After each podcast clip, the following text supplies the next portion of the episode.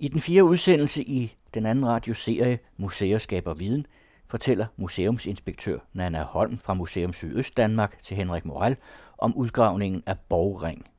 Og hvad er så Borgring?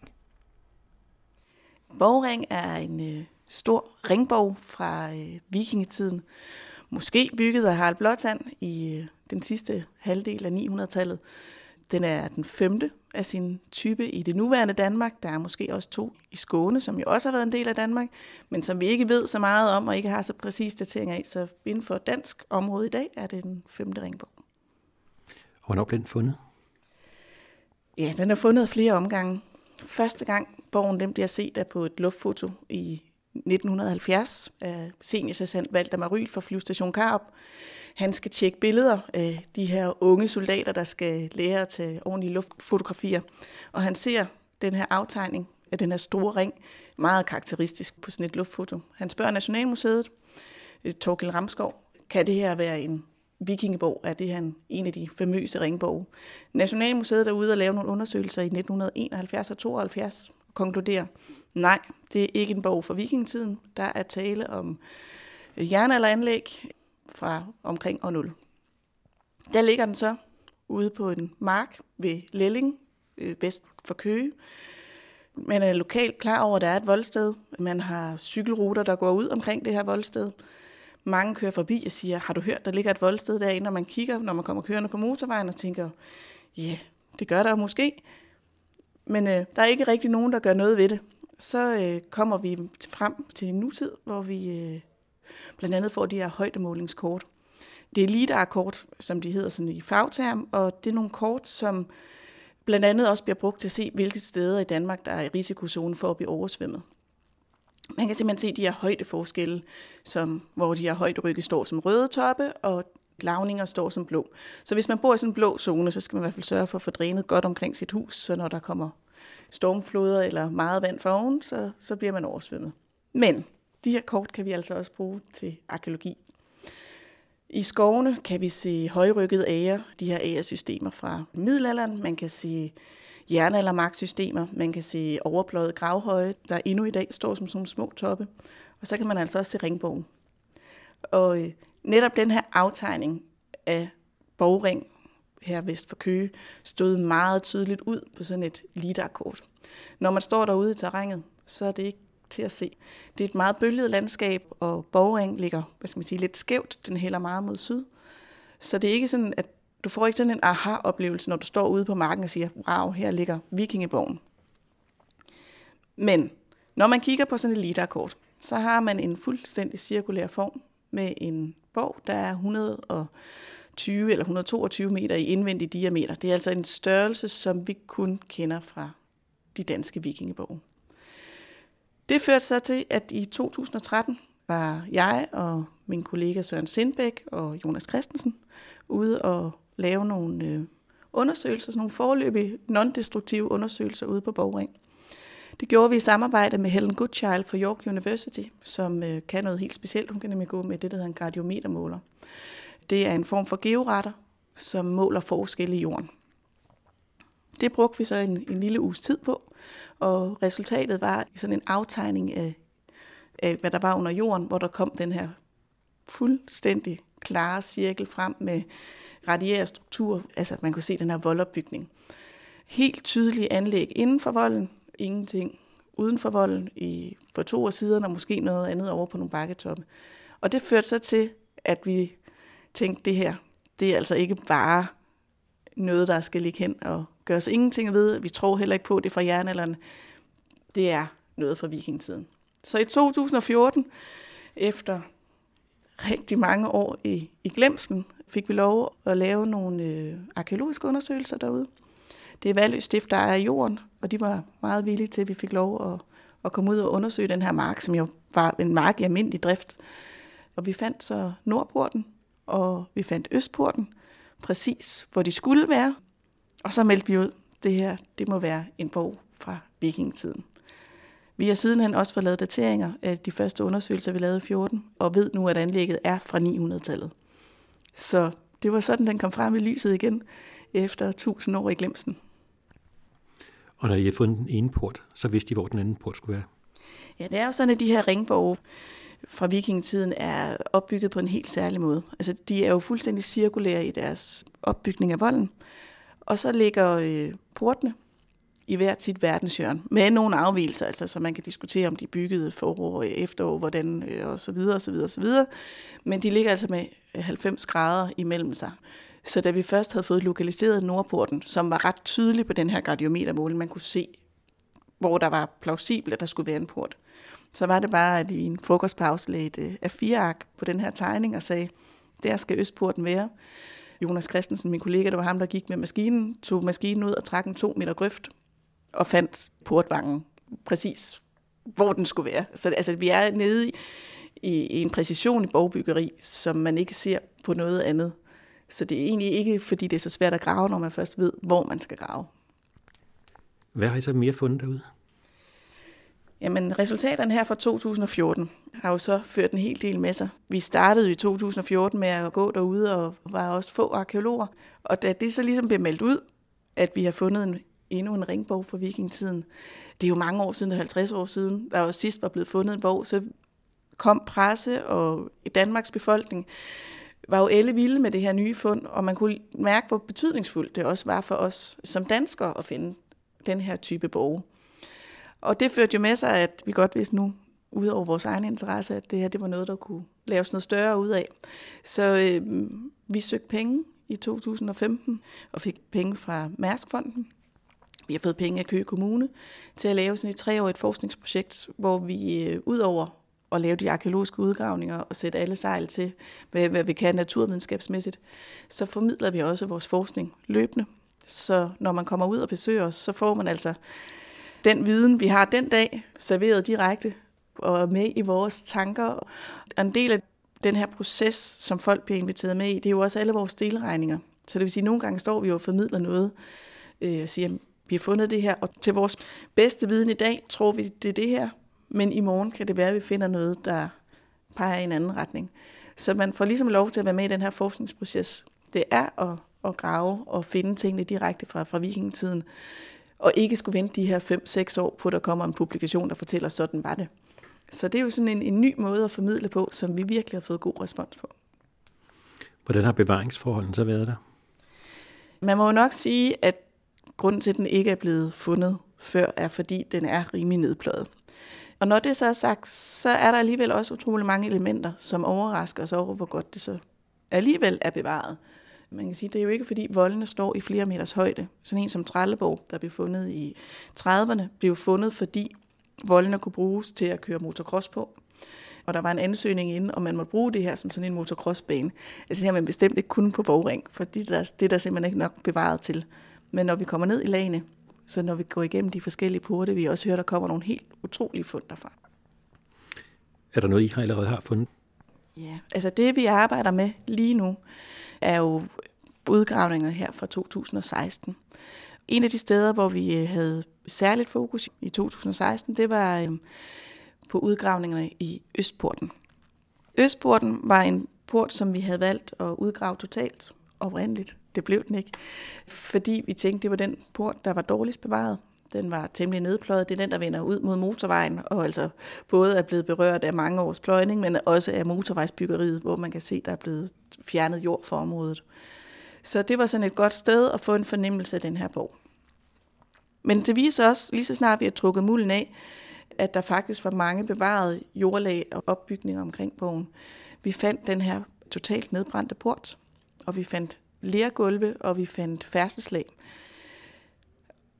Og det var jo nogle elementer, vi måske ikke lige sådan havde forventet til den her meget destruerede port, at der skulle komme så meget i det. Og derfor så blev en stor del af vores udgravninger i 2016 også koncentreret om, at vi skulle igennem alle de her lag og dem udredt. Hvis vi sådan går lidt tilbage og sådan starter fra, hvad der var først, så ser det ud til, at man har øh, bygget portvangerne, altså de her sider i portåbningen. Vi snakker Østport, så det er den nord- og den sydlige portvange. Og hvor vi så kunne se de her brændte stolper, der stod hele vejen ind igennem. Det vi også kunne se, det var, når vi ligesom kom over under det, der var det oprindelige jordniveau, så kunne vi se selve nedgravningen på stolpen. Og så var der altså det her stykke af stolpen, der stod ovenover jorden, som var brændt på begge sider. Der stod ligesom sådan en skal tilbage af, af den brændte stolpe. Vi er blevet spurgt af rigtig mange, at det ikke bare fordi man har sodet sine stolper og sat dem i, at det ikke er det, I finder, eller har der virkelig været brand i porten. Når man soder stolperne, vil det jo også være nede i de jordgravede dele. Det var det altså ikke. Den jordgravede del af stolpen er rødnet væk og forsvundet. Så det var altså kun de dele af stolpen, der har stået over jordhøjde, og som har været påvirket af en brænding, som, som var sodet. Når vi så fandt de her stolper, der stod ind igennem, kunne vi også se, at der var kommet noget jord på efterfølgende. Altså så efter den er blevet brændt, er der også lavet ting i porten. Men hvor starter man så, når man nu står med sådan en brændt portvange og skal finde ud af sådan en helt mysterie? At vores første tanke var, at Harald Blåtand byggede borgen, den er blevet angrebet og brændt ned. Alle spor af Harald Blåtands borg skulle slettes, og det var så det. Men vi inviterede øh, politiets brandtekniker ind og være med til at analysere den her gåde. Vi har lavet en stor vidensudveksling. De har fået en masse at vide om, hvordan vi gør ting, og vi har bestemt lært rigtig meget af dem om, hvordan man analyserer sådan en brandtomt og ser, hvordan ilden bevæger sig og hvad der sker. Og alle de her resultater, hvis man sådan tager det hurtigt sammen, viser, at der har været den her brand i porten.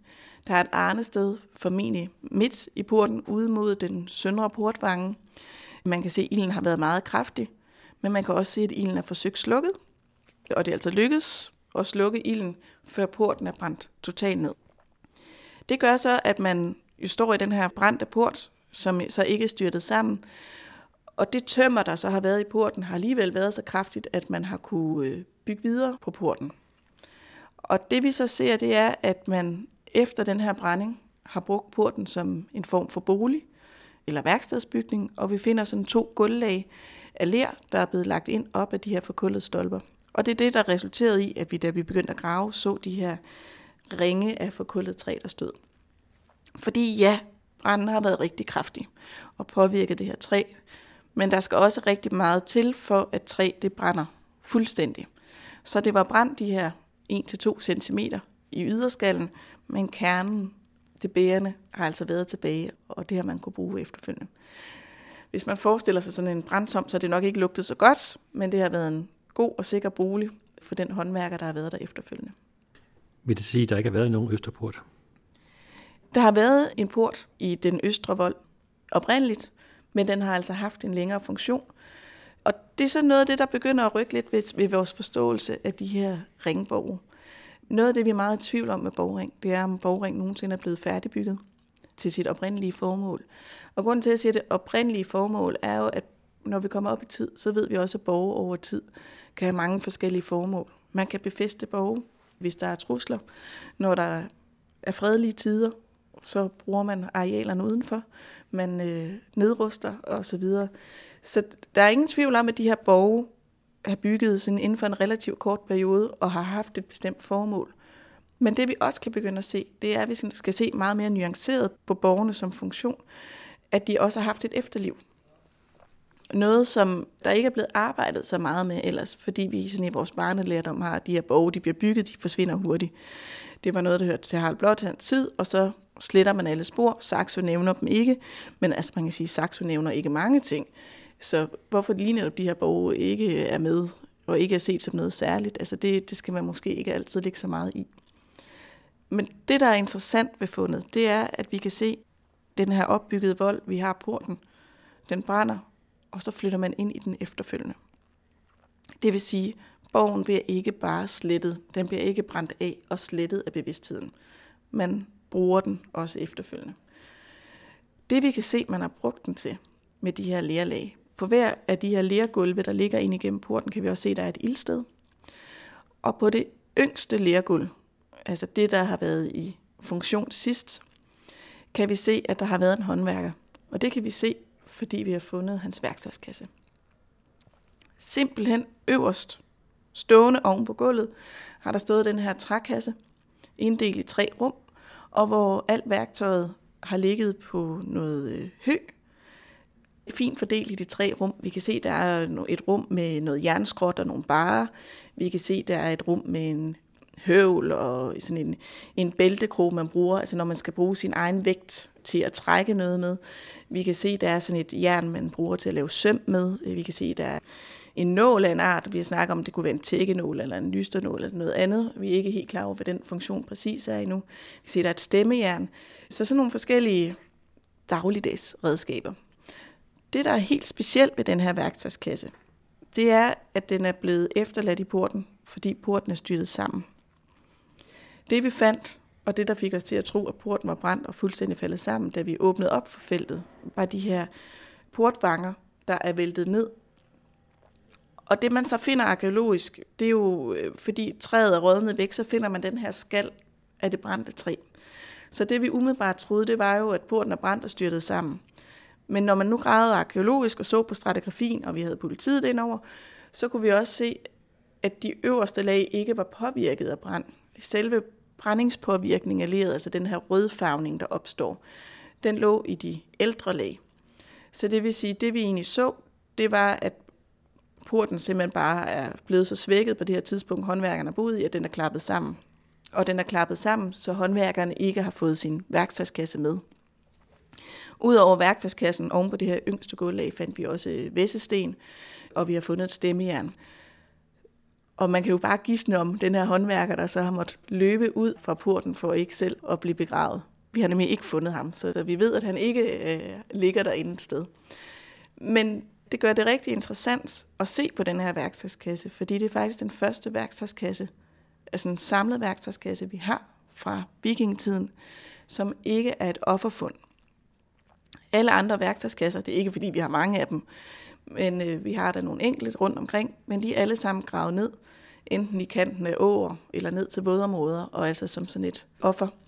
Så det her med at faktisk have, hvad håndværkeren havde på det tidspunkt, hvor han måtte flygte fra sine elskede redskaber, det er jo helt fantastisk for os.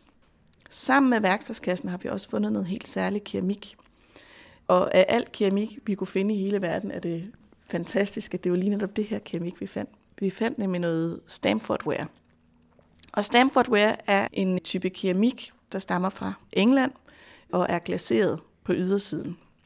Normalvis, når vi snakker glaseret keramik, så er vi jo et godt stykke op i middelalderen, men lige præcis det her keramik stammer fra slutningen af 900-tallet og begyndelsen af 1000-tallet. Det vi også har fået analyseret på det her keramik, det er, at det altså ikke er ægte Stamfordware, men er en hjemlig produceret type af det her Stanfordware.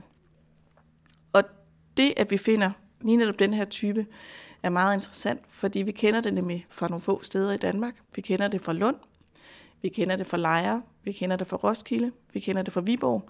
Altså alle sammen steder, hvor man også går langt tilbage i tid. Og vi skal nok forestille os noget keramik, som stammer fra 990'erne og frem i første fjerdedel af tusindtallet. Der er en diskussion omkring, hvornår det her keramik kommer. Vi er ikke kommet helt tæt på det endelige årstal endnu. Der er nogen, der først mener, at det kommer i forbindelse med Knud den Store vender hjem og overtager Danmark efter sin bror. Først så er Knud den Store jo konge i England i 1016 og i 1018 får han så også Danmark. Og det, at vi har en håndværker, som ligger i eftertiden, efter borgene, der bruger borgene, det er jo rigtig interessant ny viden for forståelse af de her behov, De forsvinder altså ikke. De bliver ikke jævnet med jorden. De bliver ikke nedlagt og aldrig brugt igen. De har altså et efterliv. Og når man sådan går ind og begynder at studere lidt nærmere på nogle af de andre borge, så viser det sig jo også, at andre ringborge har det her efterliv i et eller andet format. Trelleborg har også håndværkere, der benytter portene efterfølgende. Og efter de her mange karébygninger, der ligger inde på Trelleborg, er blevet nedlagt, så kommer der et stort langhus, der ligger inde på midten, som det her efterliv. Akkersborg har Akkersborg Gård, som vi jo kender fra middelalderlige kilder. Vi ved, at kongen søger tilflugt på Akkersborg Gård på et tidspunkt. I forbindelse med projektet Kongens Borge fandt man øh, middelaldervoldstedet, som ligger op af de gamle volde, og Akkersborg Gård, der ligger der i dag, ligger jo sådan inde i kanten af voldene, altså der, hvor de skulle have været ned mod Limfjorden. Og det gør så igen, at vi bliver nødt til at rykke ved vores gamle forståelse af de her borge som noget midlertidigt, noget kortvarigt.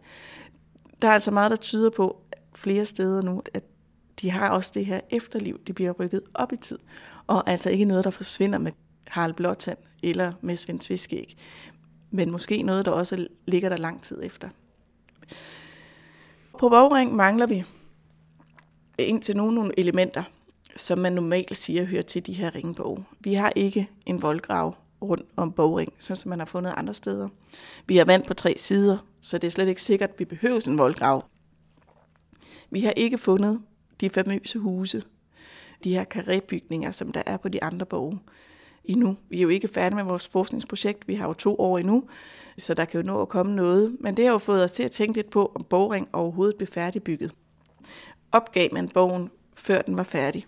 Og det er dog så noget, der tyder på, at man ikke opgav den, men man måske ikke byggede den færdig som hvad skal man sige, det oprindelige tænkte formål. Nummer to, er den bygget så sent i forhold til de andre, at den ikke er noget at blive færdig til det oprindelige formål, og så blev brugt til noget andet efterfølgende. Det er jo sådan nogle scenarier, vi arbejder med nu. Og så det her, hvad er det oprindelige formål så? Det er jo noget, vi rigtig gerne vil komme tættere på med vores projekt. Hvorfor byggede Harald Blåtand, hvis det var ham, der stod bag? Hvorfor byggede han overhovedet de her borge? Var det sådan prestigebyggeri for at sige, se mig, Harald, jeg er konge af hele Danmark, og lave sådan nogle statussymboler rundt om i landet? Er det for at lave nye øh, fodsæder, for at kunne indkræve skatter? Er det for at samle sin flåde, sin ledningsflåde, som også er blevet diskuteret mange gange? Eller er det i forbindelse med kristningen af Danmark? Der er mange teorier opbygget over årene, og vi håber, at når vi slut kommer til vejs ende i det her projekt, at vi måske kan komme lidt nærmere på den oprindelige funktion.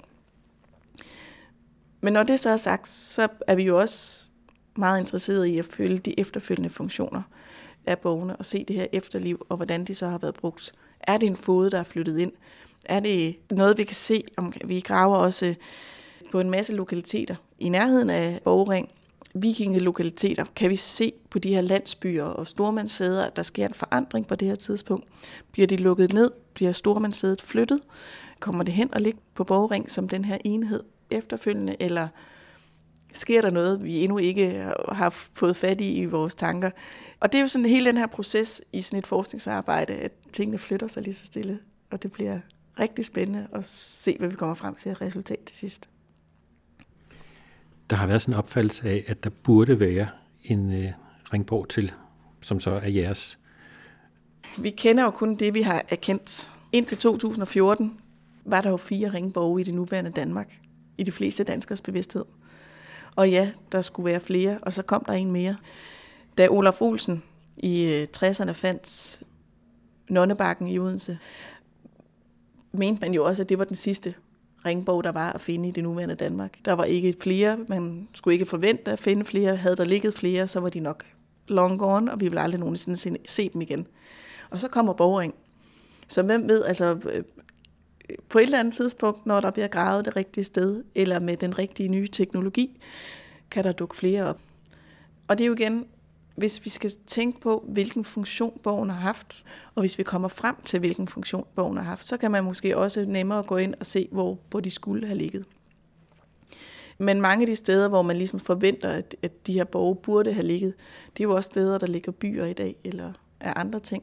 Og der vil du ikke have en jordisk chance for at finde et helt anlæg. Det er jo et kæmpe stort anlæg, når man står på det, så det kræver jo noget åben mark, og man kan se bare på Nonnebakken i Odense, hvor der var bygget omkring. Altså det er jo nogle små undersøgelser, du kan lave. Men alligevel så har undersøgelser, der er forlavet for nylig på Nonnebakken, jo også vist, at det giver gode resultater. Så jeg tror det bestemt ikke, vi har fundet den sidste. Og det er ikke sikkert, det bliver i min levetid, men måske i min børnebørns levetid, når en eller anden teknologi, vi ikke tænker på overhovedet kan eksistere. Når man har fundet den, ligesom vi brugte lige der kortene, så kan det være, at det kommer frem. Nu var den jo så fundet i 70'erne. Hvis du havde stået som arkeolog dengang, ville du også være kommet til det samme resultat, at det var ikke en ringborg? Jeg ved ikke, om jeg ville være kommet til det samme resultat, fordi altså det at finde en bog, som man så tror for jernalderen, jo bestemt også noget, jeg mener, vi skal gøre noget ved. Altså inde i mit hoved forstår jeg ikke, hvorfor, når man har dateret en bog til omkring år 0, altså dem har vi ingen af i Danmark, hvorfor det ikke er så interessant, så det er noget, der skal gøres noget ved. Og så tænker jeg, over tid vil man jo så, ligesom vi har fundet, vi har fundet en perle nu fra vikingetiden, vi har fundet værktøjet, vi har fundet nogle forskellige ting, der ligesom peger i retning af 900-tallet. Så vil man jo være kommet til konklusionen, sådan hen over årene. Men når det så er sagt, så har jeg også stået derude, både i 13 og 14, før bogen blev markeret. nu er den jo fysisk markeret i landskabet. Og når man står derude, er det hulens svært at sige præcis, hvad der er op og ned, og hvor volden ligger. Den sydlige vold ligger sådan godt nede i ådalen. Og når man står sådan op på toppen af bakken, der ligesom laver sådan et, et knæk, så det er ikke der, du gætter på, at volden ligger der. Lige så snart du sætter skoven i jorden og graver, så finder du tørveopbygning for volden. Men du står ikke og tænker, wow, den ligger lige her. Og det er jo også derfor, at den ikke er blevet opdaget før. Så uden den teknologi, vi har i dag, med gradiometermåling, vores lille snydekort, og hvor vi kan afsætte tingene med GPS, så vi ved præcis, hvor vi skal grave hen for at finde nogle af de elementer, vi kan se på kortet, så har det været en stor opgave. Men øh, jeg tror ikke, jeg havde opgivet så hurtigt, som der blev der i 70'erne. Graver I på en anden måde, end man ville have gjort på det tidspunkt? Ja, vi graver markant anderledes i dag, end man gjorde dengang. For det første, så har vi nogle andre maskiner i dag. Vi bruger jo store gravmaskiner til mulderafrømning. Og når man står der som arkeolog og kræver, hvordan den her maskine skal grave, altså det kræver også maskinfører, der er utrolig dygtige. Vi beder dem jo om at fjerne en halv eller en hel centimeter ad gangen, når vi graver ned. Så alene den måde, vi kan lave mulderafrømning af flader i dag, er jo anderledes. Vi bruger metaldetektor. Vi har nogle rigtig gode amatørarkeologer, der følger os og er med til at finde alle de her genstande i pløjelagene. Altså selvfølgelig har vores arkeologiske metoder udviklet sig. Vi kigger meget mere på jordlag og stratigrafi i dag. Altså den her først så kom, og så kom, og så kom, når vi sådan kigger på jordlagene. Men i sådan et projekt som det her, hiver vi jo også alt, hvad vi kan ind af naturvidenskab og geologi, for at forstå hændelser og se, hvordan tingene har flyttet sig. Vi hiver pollen ud, vi tager makrofossilprøver. Makrofossil, det vil sige øh, korn og andre planterester, der er bevaret i jorden. Vi har geologer inde, der fortæller os om humusyreflytninger i jorden, så man kan forstå de her jordlag helt præcis. Hvad er det, der sker, når du på en græsmark begynder at bygge tørv op? Hvad er det så, du ser af flytninger af jern og humus og, og så videre i de her jordstriber? Vi har brandteknikkerne indover, vi har folk, der bestemmer øh, ved, altså træbestemmelser og så videre. Så vi kører jo på alt, hvad man ligesom kan af nymodens teknologi. I porten laver vi tyndslipsanalyser. Vi har dels lavet det af keramikken for at finde ud af, hvor det kom fra, men også af jorden. Man kan simpelthen se, hvis der er noget jord, der er blevet trampet særlig hårdt på, eller kørt med vogne, og sådan ligesom afslører de her vejarealer. Vi prøver også at arbejde med noget jord-DNA, simpelthen fordi planter og mennesker og dyr afsætter noget DNA i jorden. Så kan man simpelthen se, er der køer, eller heste, eller får, eller hvem er det, der har været her. Hvis vi forestiller os en ledingsflåde, så skulle der jo helst være rigtig mange heste og de ting, vi ligesom forbinder med kriger og knap så mange høns og køer og den slags inde på borgen. Øh, hvorimod hvis vi tænker mere, at øh, det her det er et stormandssæde med, med det, der nu har hørt til, sådan en husholdning, så vil man forvente se mere af det her bondegårdsliv, hvis man kan sige det på den måde, inden for bogen. Så ved at trække på alt, hvad vi kan i dag, forsøger vi også at skabe nogle nye resultater.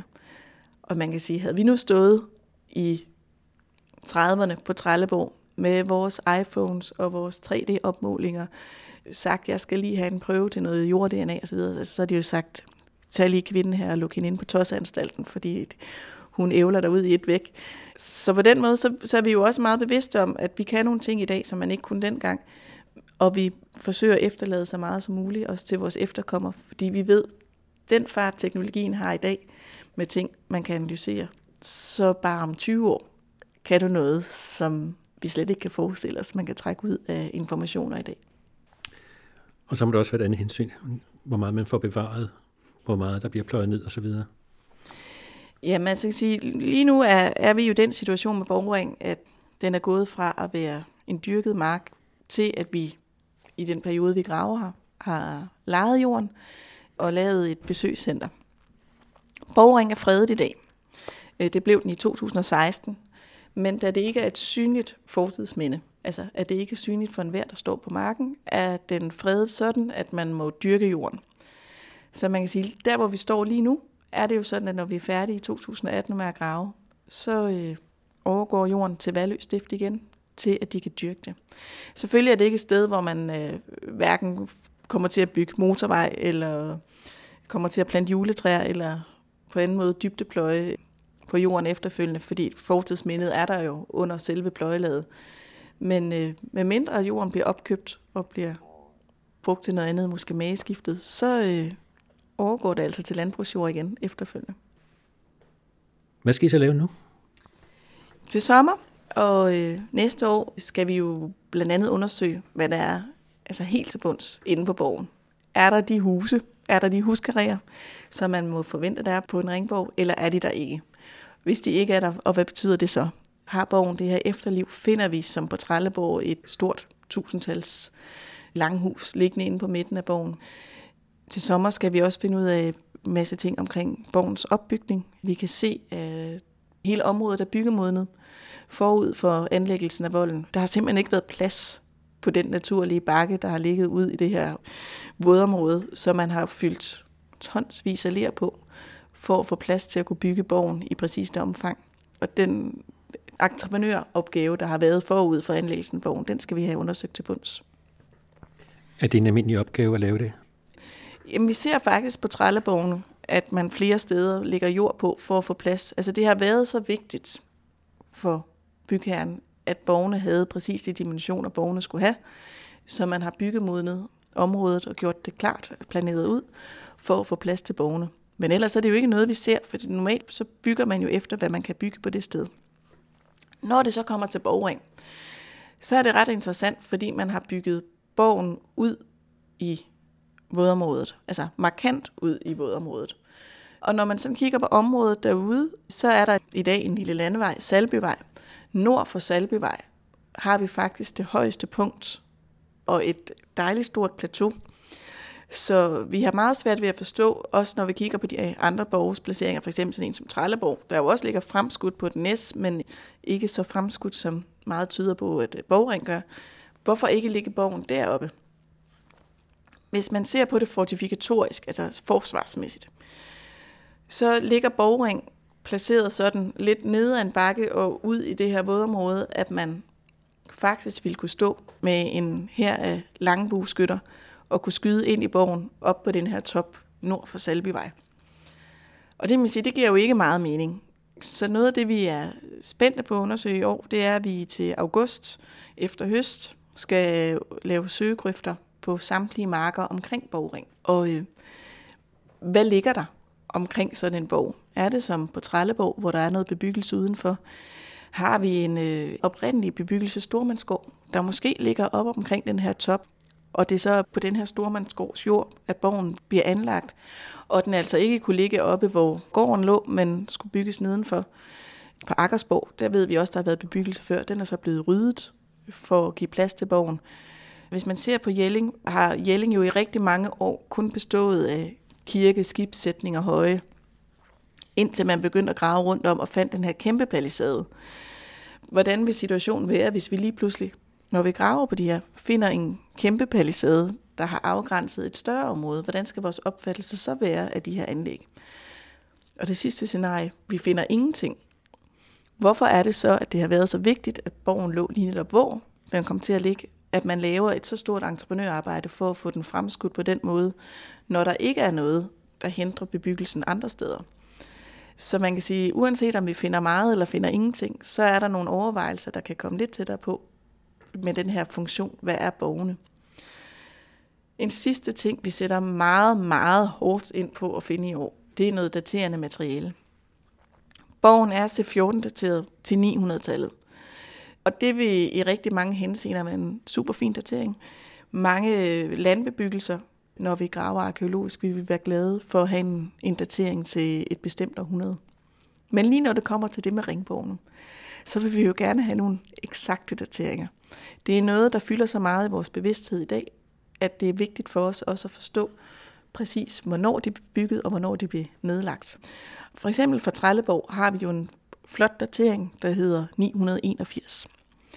Problemet med den her datering, og som ligger i rigtig mange af vores bevidsthed, det er, at 981-datering kommer fra en ydre voldgrav, altså ikke inden for selve borgeranlægget, men for noget af det, der er blevet bygget udenom.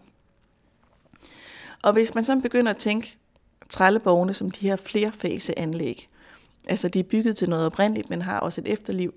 Hvad siger dateringen 981 så egentlig om det oprindelige byggeri? Er det allerede begyndt i 970'erne, hvad meget tyder på nogle steder, at, at det godt kan være? Og er den her 981-datering så egentlig i forbindelse med en anden funktion, altså i forbindelse med, at borg måske allerede er overgået til, til at være det her stormandssæde i stedet for? Eller noget, noget helt andet, vi ikke ved endnu. Så derfor så er det rigtig vigtigt for os at få noget daterende materiale fra borgen, der kan datere den helt præcist. Og vi har jo den her jagt på træ, det gode træ. I år gravede vi jo nede i Sydporten, og vi havde store forventninger til, hvad vi skulle finde nede i Sydporten, netop fordi det ligger ude i Ådalen. Så der var jo super gode bevaringsforhold for organisk materiale, altså træ. I 2014, da vi gravede et stykke af volden, fandt vi øh, nogle øh, traphinde liggende med bark bevaret og det hele, som egentlig tyder på, at, at vi havde de her fantastiske bevaringsforhold. Så når vi gravede Sydporten, var det jo bare en formsag at tage en af de her store pæle op, en af de her portvanger, og så få den dateret. Måden vi gerne vil have det dateret på, er med dendrokronologiske dateringer, det vil sige en årringedatering.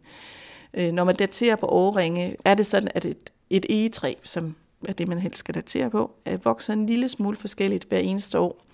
Er det en varm sommer, kold sommer, kommer der meget vand, kommer der lidt vand, så du får sådan en tyk og tynde overringe. Og hvis du har cirka 80 årringe, så kan man sige, så er sekvensen af tykke og tynde årringe så præcis, at man kan sætte dem ind på den her lange stregkode. Jeg forestiller mig altså sådan lidt sådan den her stregkode af tykke og tynde streger, kan placere det ind præcis, hvor det hører til.